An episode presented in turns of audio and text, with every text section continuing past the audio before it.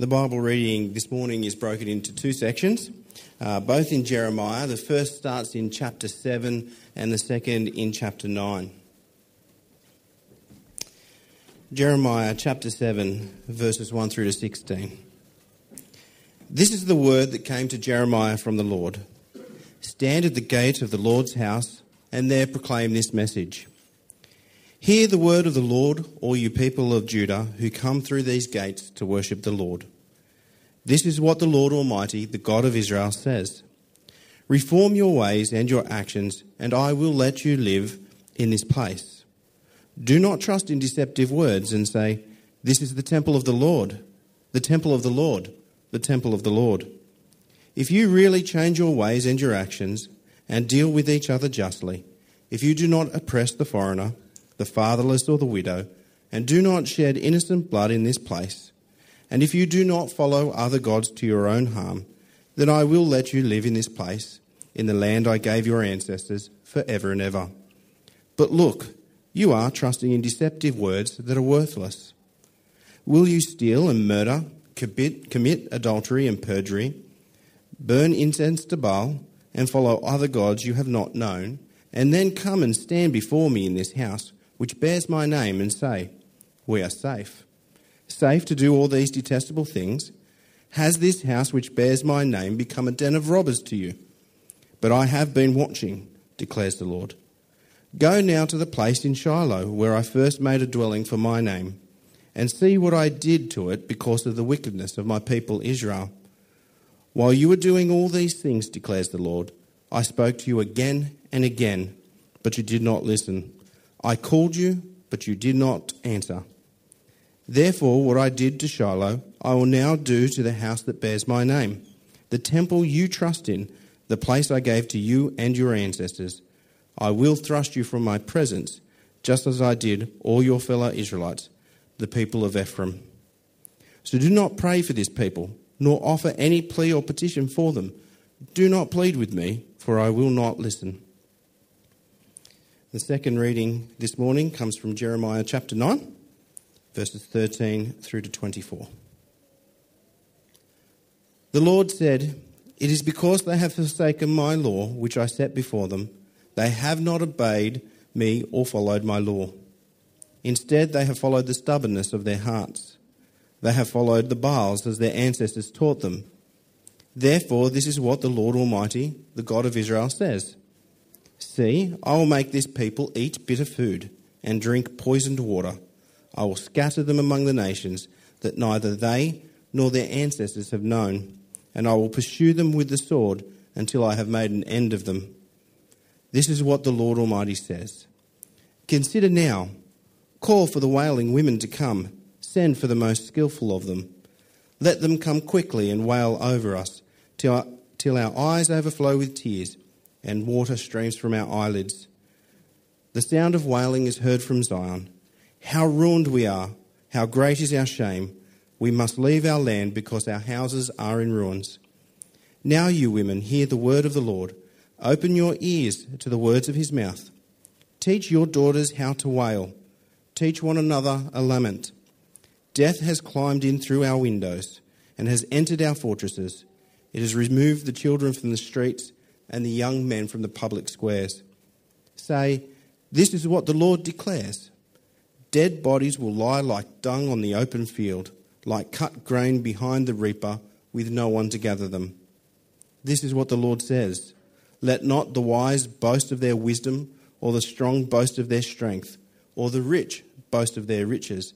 But let the one who boasts boast about this, that they have understanding to know me, that I am the Lord who exercises kindness, justice, and righteousness on the earth. For the, in these I delight, declares the Lord. Here ends the reading. Thanks, Austin. I, uh, I heard a story about a husband and wife who uh, had a disagreement about who was losing their hearing. Uh, I opened the 8 o'clock sermon uh, with that line, and uh, everyone looked at each other with a smile, and I was like, I've got the full room's attention. I don't know if I've ever felt that, like in that first line before. Uh, this disagreement between this husband and wife, who's losing their hearing, and uh, And um, the husband came up with this plan to kind of test his wife about it. And so what he did is he came into the room and she was sitting there and he sat himself across the room facing the opposite direction and just gently said, Honey, can you hear me? And when there was no response, he just shifted himself casually a little closer and said, Honey, can you hear me? And still nothing from her, so he moved that step closer a third time. He said, Honey, can you hear me? There was still nothing, so he turned to her and he said, You can't hear me, can you? And she said, For the fourth time, yes. it's probably more a joke than a story. Um, but we, we get this picture of, um, of hard of hearing in Jeremiah. And what, what we see in Jeremiah is that this hard of hearing leads to death, is the story we get. There was a study done in um, 2015 in um, Harvard Medical Institute about a link between hearing impairment and risk of death.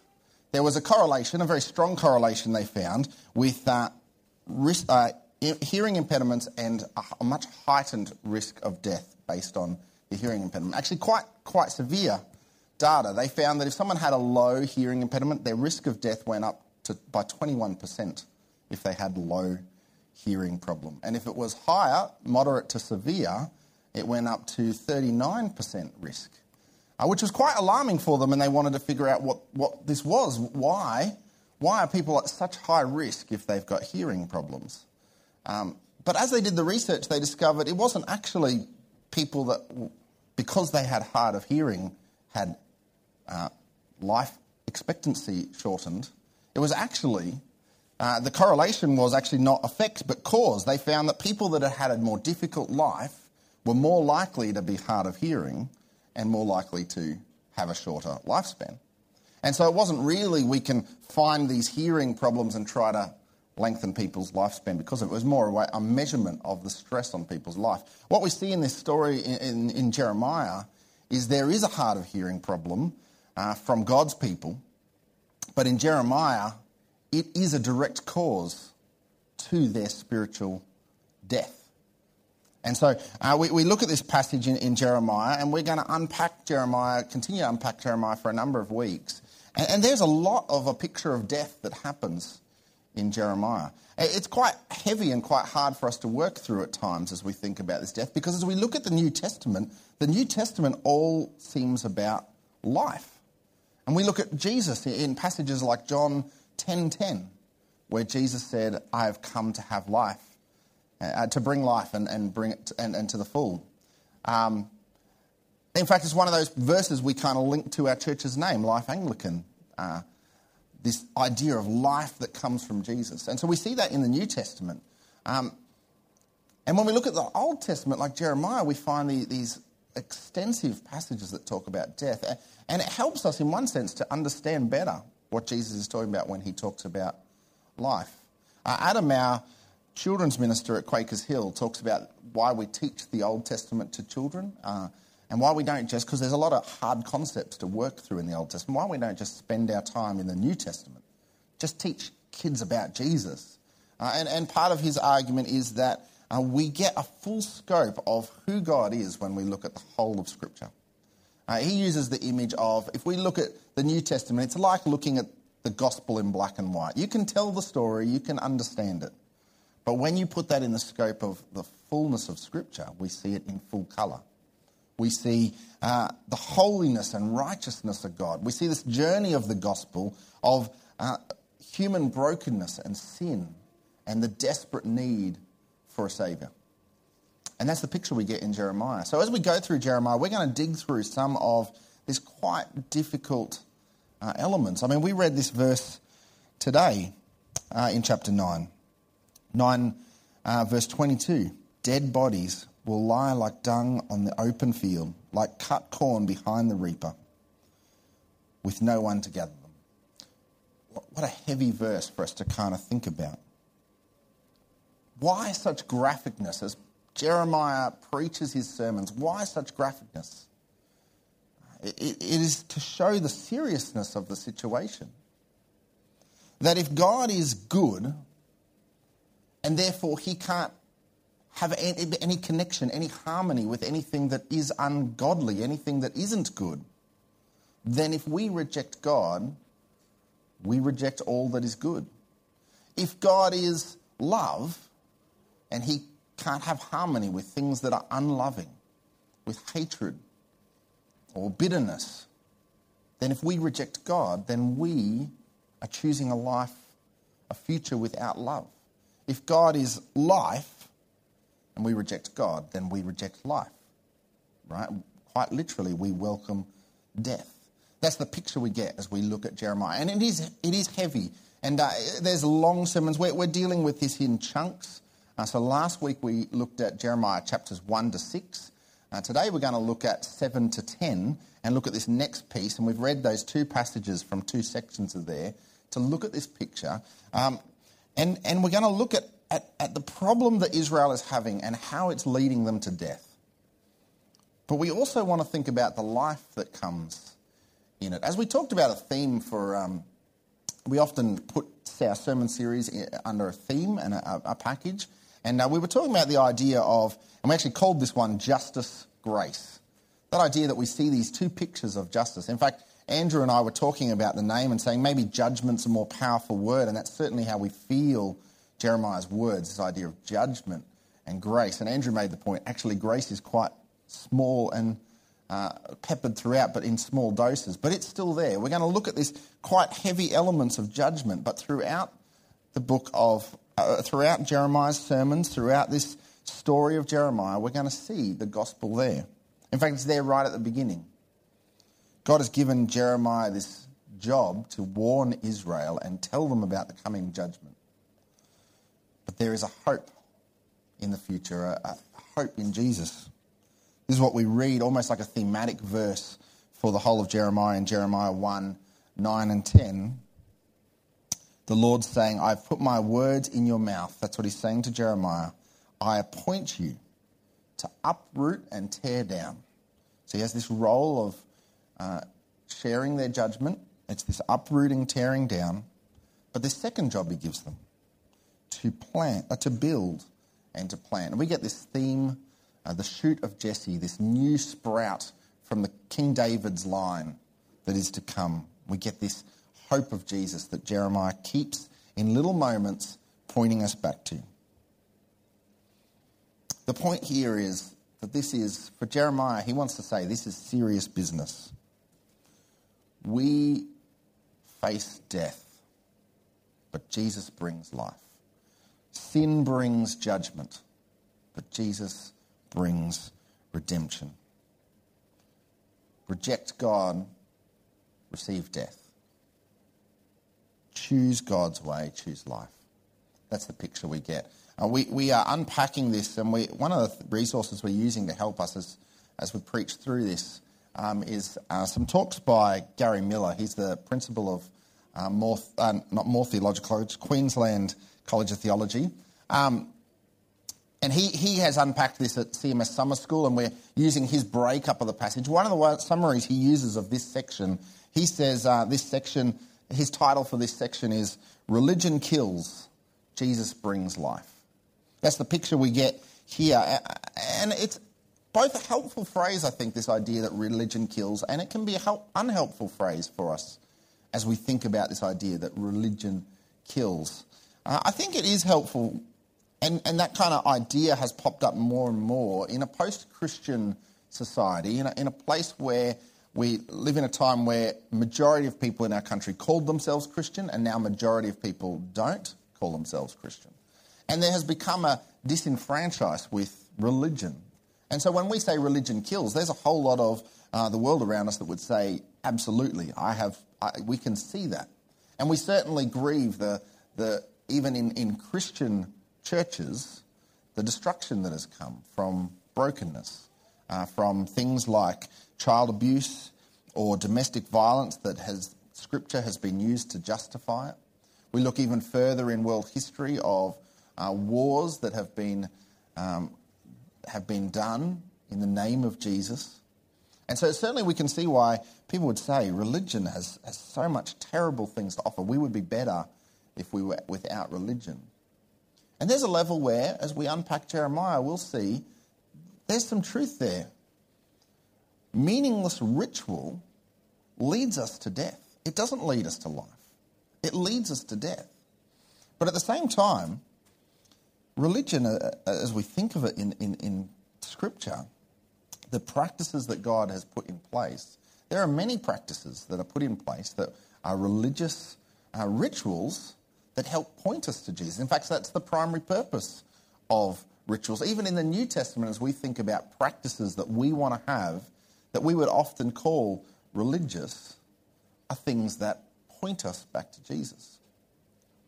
The problem that Israel has faced is that these things have ceased pointing them to God. These things have become a distraction in themselves. And so, what Jeremiah wants to tell people of Israel is their religion is killing them. This is the message. This is a picture we get in chapter 7. Uh, it's, chapter 7 is, is a fairly significant chapter in, in uh, Jeremiah, and it's uh, often referred to as the temple sermon because that's what's happening.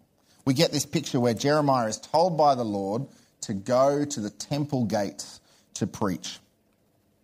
Uh, and this is his message. This is who he's preaching to. So, verse 2 Hear the word of the Lord, all you people of Judah who come through these gates to worship the Lord. So, his opening line at the temple gates, talking to the people walking through the gates, he is addressing this directly to them. This is the sermon.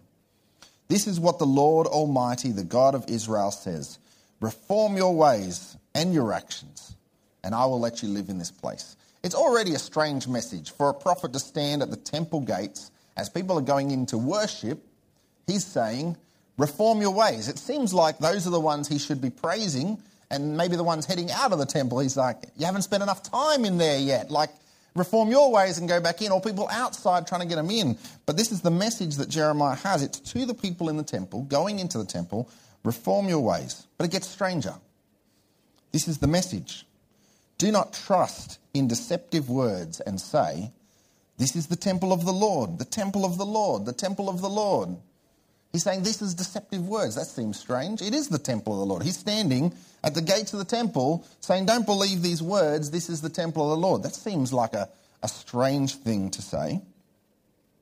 But we get a better, clearer picture of it in verse 9.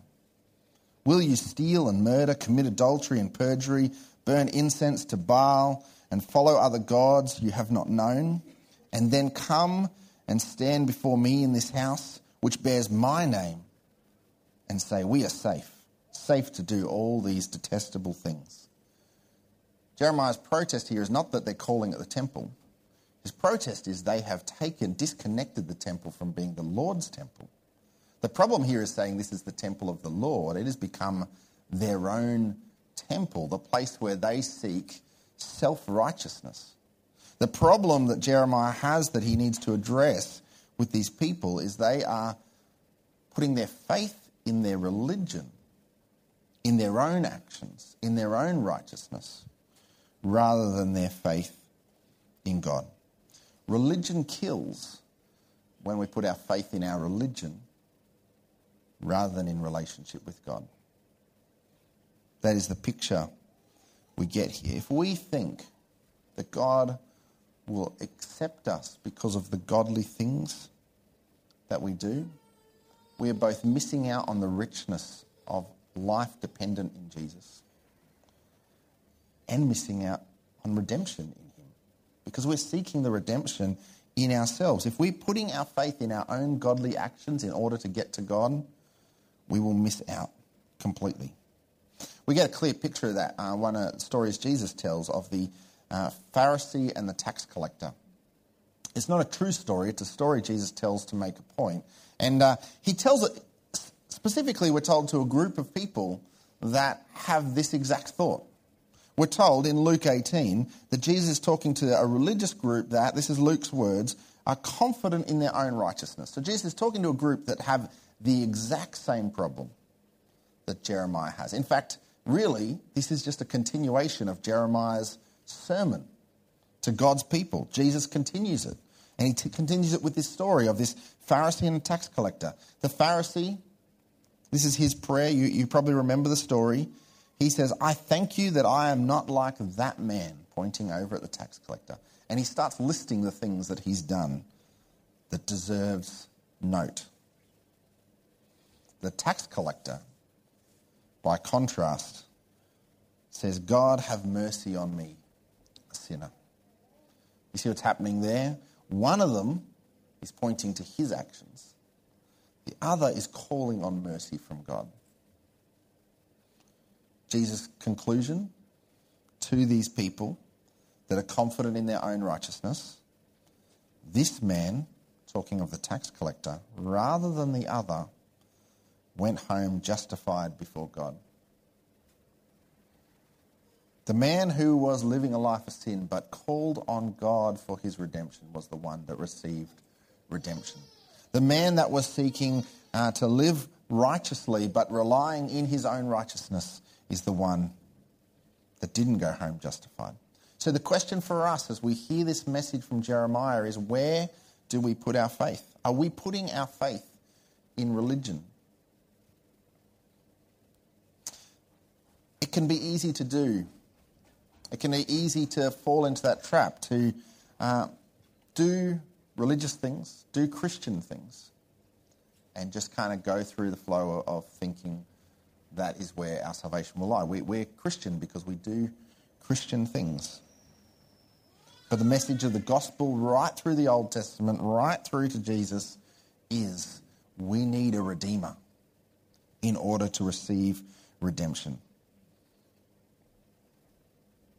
It's also possible not just to put our faith and uh, to not put our faith in Jesus. It's also possible over time to go through seasons where we get distracted from our walk with Jesus, get distracted by our doing Christian things, doing religious things, and get more caught up in ritual than we are focused on Jesus. Has religion become a replacement for God, for relationship with God in your life? We want to make sure that we are not putting our faith in religion, but we're putting our faith in Jesus. Religion kills when we put our faith in religion rather than in God. Religion kills when it leads to spiritual deafness. This is how Jeremiah continues this message to these people. This, this is God's message, he says in verse 13.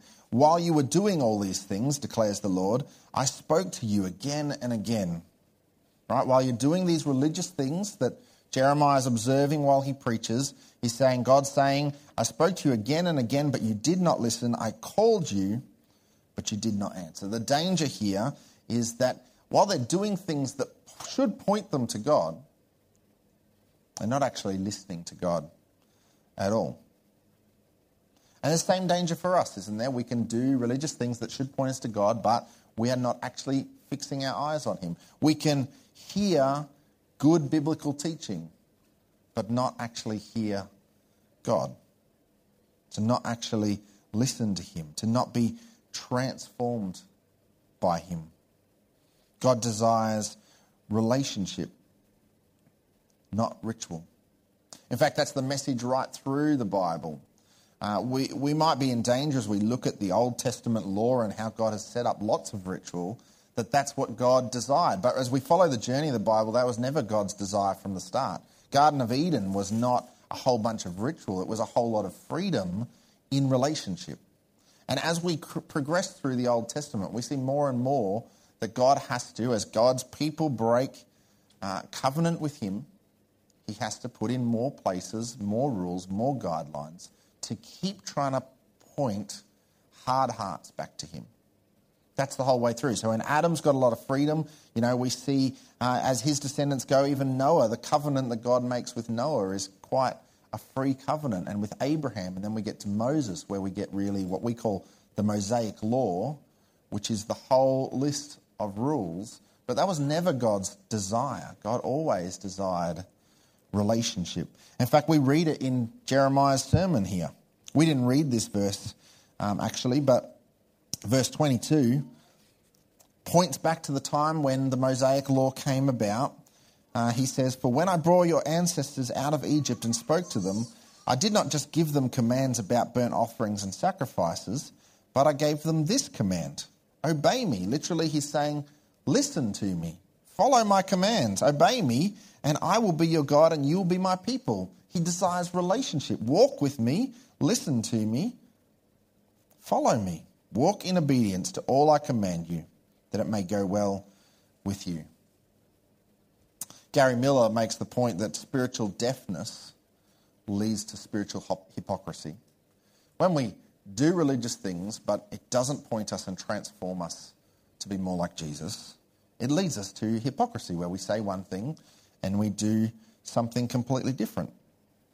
In fact, I think one of the main places that we see spiritual hypocrisy kind of work itself out in our lives often is in the spiritual development of our children. Those that are closest to us that see what happens behind closed doors. That when we uh, say one thing, maybe we're out in public, maybe it's on Sundays where we put on our kind of best Christian face.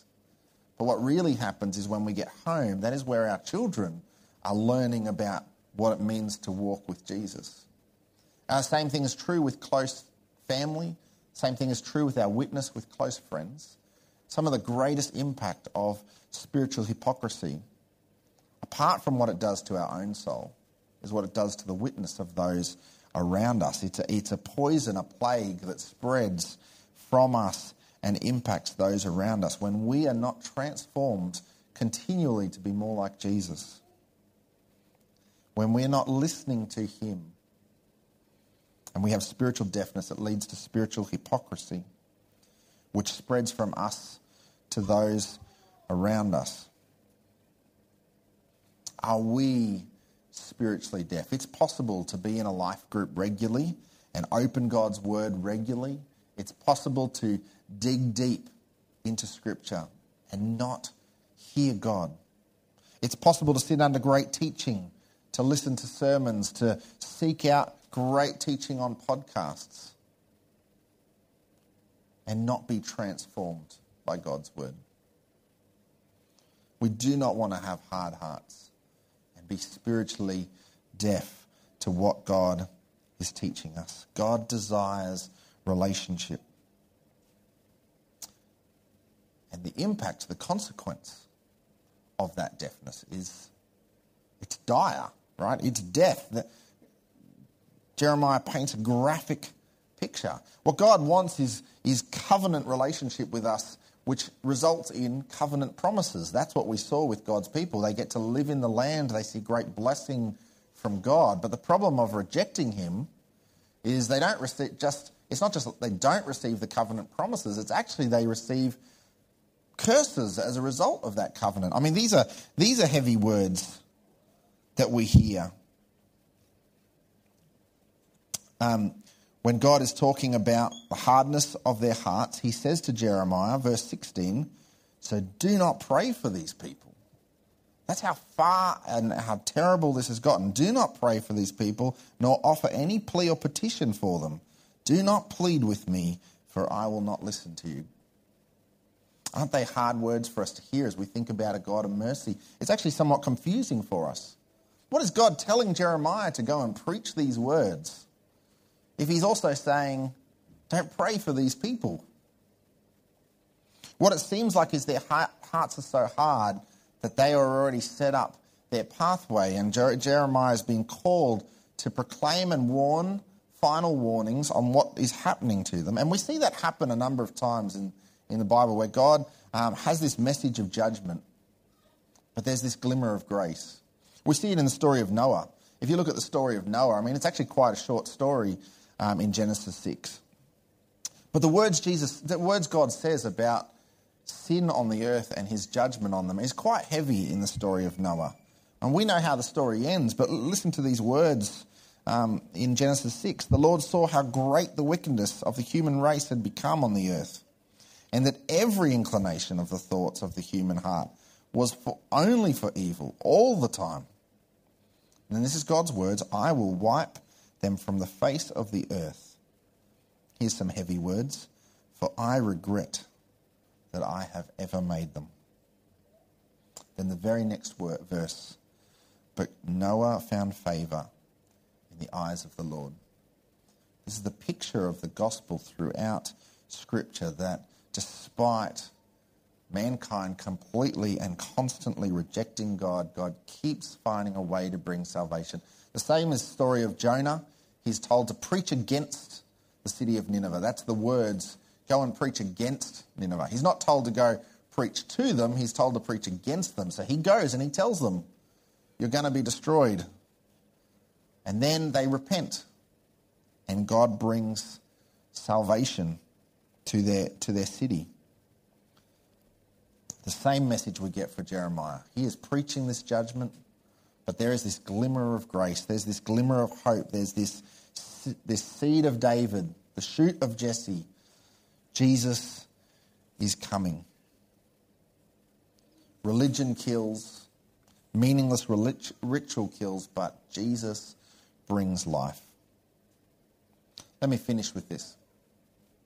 Those glimmers of grace, we're going to find them few and far between as we go through Jeremiah, but they are there and they are important, and we want to cling to them as we, we, we put, point to Jesus.